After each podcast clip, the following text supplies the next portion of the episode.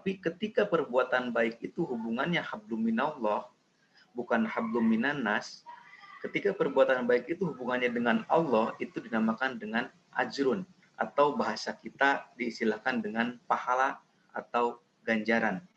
Kalau di dalam Al-Quran itu istilahnya ajrun, karena ada sebuah Al-Quran, ajrun ghairum mamnun. Itu adalah salah satu pahala yang diberikan oleh Allah yang hubungannya langsung dengan Allah. Kalau hubungannya langsung dengan manusia, itu namanya uzroh. Atau boleh dibilang gaji.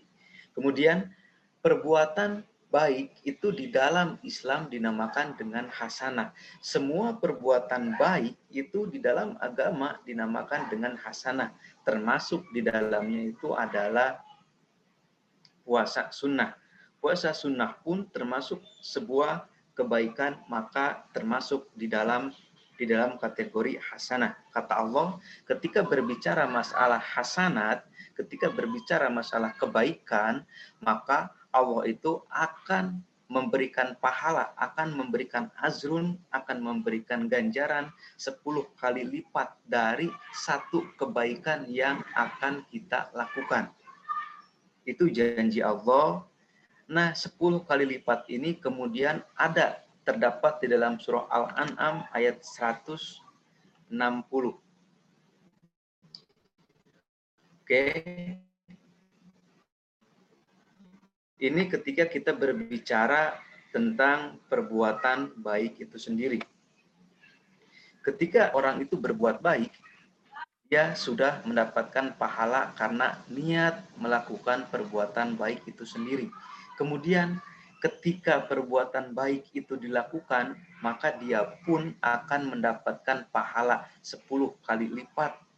Bahkan ada yang mengatakan 700 kali lipat sesuai dengan hadis yang diriwayatkan oleh Imam Bukhari dan Muslim ini di sini disebutkan fa inna amalaha faqtubuhalahu bi asri amsalihha ila sab'ina mi'ah.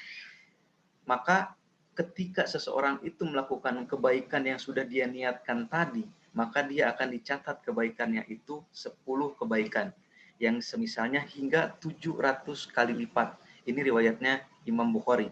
Kemudian di dalam Al-Quran yang tadi saya katakan surah Al-An'am ayat 160 man ja'amil hasanati falahu asru amthaliha siapa saja yang berbuat baik maka baginya 10 kali lipat amalannya. Artinya 10 kali lipat dari kebaikan dari kebaikan yang kita lakukan ganjaran yang kita dapatkan dari Allah itu adalah 10 minimal 10 termasuk di dalamnya itu adalah puasa sunnah. Karena setiap puasa sunnah karena setiap puasa sunnah itu membawa sebuah kebaikan minimal 10 tidak kurang dari 10 itu yang namanya perbuatan kebaikan perbuatan hasanah. Oke, sebenarnya ketika kita melakukan perbuatan kebaikan itu ada dua kategori. Ketika perbuatan baik itu bisa mendapatkan pahala juga bisa menghapus kejelekan kita.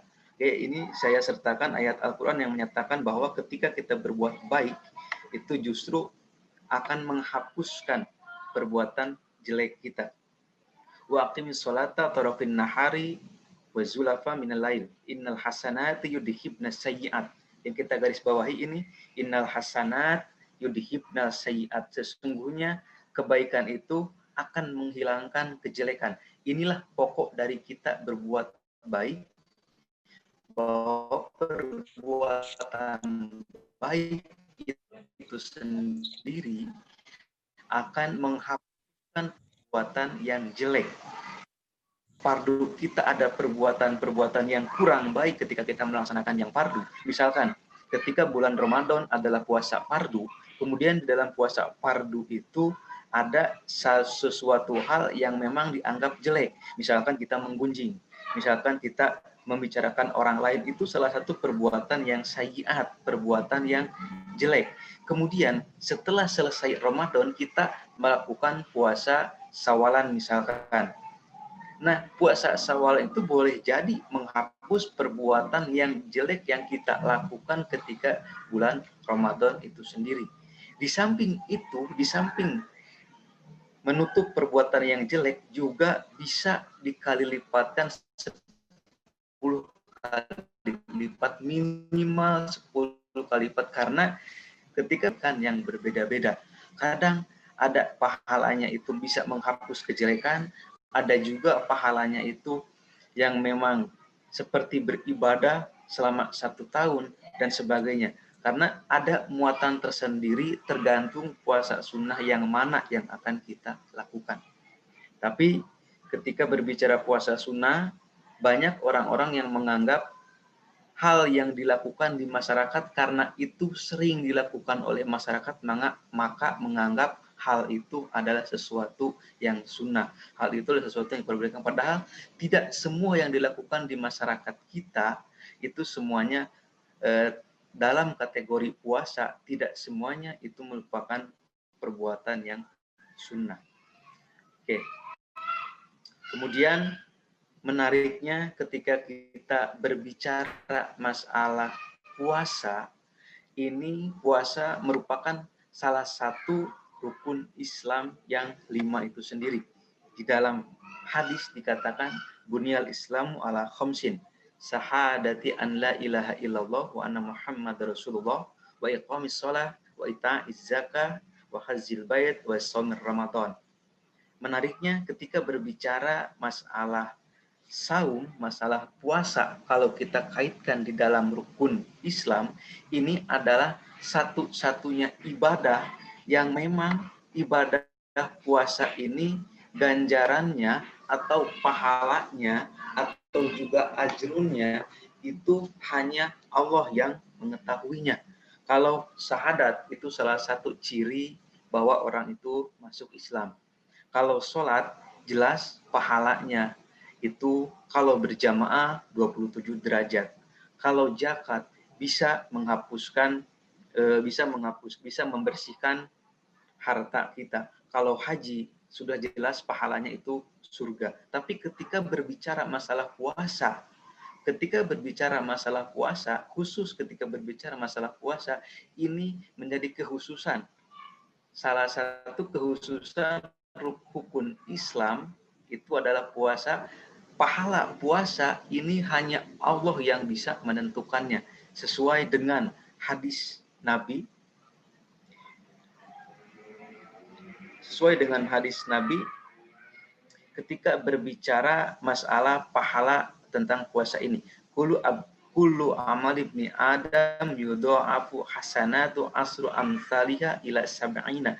Setiap apa yang dilakukan oleh anak Adam di sini manusia bisa dikali lipatkan 10 kali lipat kebaikan bahkan sampai 700 kali lipat kebaikan. Kalau Allah Azza wa Jalla kemudian berfirman Allah Azza wa Jalla kalau ada kata kola ini pasti ini adalah hadisnya hadis kunci. Kalau Allah hadis kunci dalam menentukan sebuah hukum itu tempatnya satu level di bawah Al-Quran. Artinya ini pasti kebenarannya. Karena ini adalah sama-sama kalam Allah tapi redaksinya itu dari Nabi Muhammad.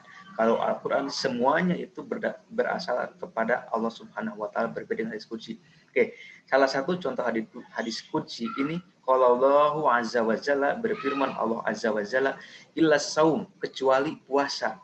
Pak inna karena itu adalah untuk wa ana azibih dan saya yang akan mengganjarnya dan saya yang akan memberikan pahalanya. Artinya di sini mengisyaratkan bahwa puasa itu sebenarnya tidak ada takaran ganjarannya. Baik itu puasa fardu baik itu puasa sunnah. Adapun hadis-hadis yang menerangkan tentang pahala puasa itu hanya batas minimalnya saja. Itu batas minimalnya saja. Kita tidak bisa menentukan dari hadis itu sendiri karena itu hanya batas minimal ketika ada hadis berbicara tentang keutamaan puasa sunnah itu hanya batas minimal saja. Adapun lebihnya itu tergantung Allah karena yang namanya puasa itu adalah hanya Allah saja. Karena ketika kita berpuasa, tidak harus orang lain tahu tentang puasa kita. Makanya ada yang mengatakan yang namanya puasa itu di samping sifatnya ibadah jasmania juga ibadah ruhania. ibadah jasmaninya dia menahan lapar, ibadah ruhanianya dia apakah dia benar-benar menahan lapar itu karena Allah ataukah memang dia menahan lapar itu min ajli min ajlinas karena ada harapan dari manusia. Makanya yang namanya ibadah puasa itu ada yang mengatakan bisa dikatakan ibadah jasmania, ada yang mengatakan ibadah e, ruhiyah atau ibadah rohani. Oke. Ini saya sampaikan e, ketika berbicara pembagian masalah puasa. Puasa ini ada yang sifatnya wajib, ada juga yang sifatnya sunnah, ada juga yang memang puasa itu diharamkan Ketika kita berbicara masalah puasa wajib, jelas di dalamnya ada yang namanya puasa Ramadan, itu sifatnya wajib bagi kita. Puasa kodo itu juga wajib bagi kita ketika ada puasa Ramadan yang bolong-bolong karena beberapa hal yang memang disyariatkan, maka ada yang namanya puasa kodo. Untuk puasa Ramadan itu sendiri. Kemudian ada juga puasa nadar. Puasa nadar ini puasa janji. Misalkan kalau kita mendapatkan jodoh maka saya akan puasa. Kalau kita kalau saya menikah maka saya akan puasa. Itu adalah puasa nadar. Nadar itu sifatnya wajib dan harus kita tunaikan kalau nadarnya itu sifatnya puasa karena nadar itu banyak sifatnya bukan hanya sebatas puasa saja kemudian puasa kifarat juga seperti orang yang eh, orang yang haji kemudian dia dia melakukan hal-hal yang dilarang di sana kemudian ada kifarat berpuasa Kemudian ada juga puasa sunnah ini yang akan menjadi bahasan kita sekarang yaitu tentang puasa sunnah. Banyak macam-macamnya puasa sunnah di sini.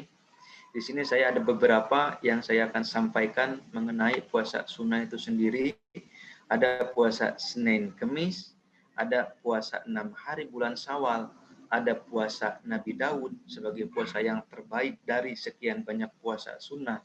Kemudian puasa hari Arafah, hari Tarwiyah. Kemudian ada juga puasa 9 hari pertama di bulan Dhul Hijjah. Kemudian puasa Taswa, puasa Asuro, puasa tengah bulan atau Ayamul Bid, puasa bulan Sa'ban, kemudian puasa bulan Rajab. Dan ternyata ada juga puasa-puasa hari-hari yang memang di dalamnya itu kita diharamkan untuk berpuasa. Yang pertama, puasa sunnah yang dilakukan sedang suaminya ada di rumah tanpa izinnya. Seorang istri tidak boleh berpuasa sunnah tanpa ada izin seorang suami. Kalau seorang suami itu melarang istrinya itu puasa sunnah, maka tidak boleh melakukan puasa sunnah. Kalau puasa fardu harus dilakukan. Kemudian ada juga menghususkan puasa pada hari Jumat jelas ini hukumnya diharamkan ketika kita hanya menghususkan puasa dilakukan pada hari Jumat. Ada juga yang mengatakan puasa pada hari Sabtu. Kemudian menyambut bulan Ramadan dengan berpuasa dua hari atau sehari. Ini ada di suatu tempat yang suka melakukan budaya seperti ini dalam rangka menyambut bulan Ramadan, dalam rangka persiapan untuk melaksanakan puasa di bulan Ramadan, mereka melakukan puasa dua hari atau satu hari sebelum bulan Ramadan. Dalam rangka siap-siap, dalam rangka ta'adud untuk beribadah, maaf, ta'adud untuk istiadat untuk melaksanakan puasa Ramadan.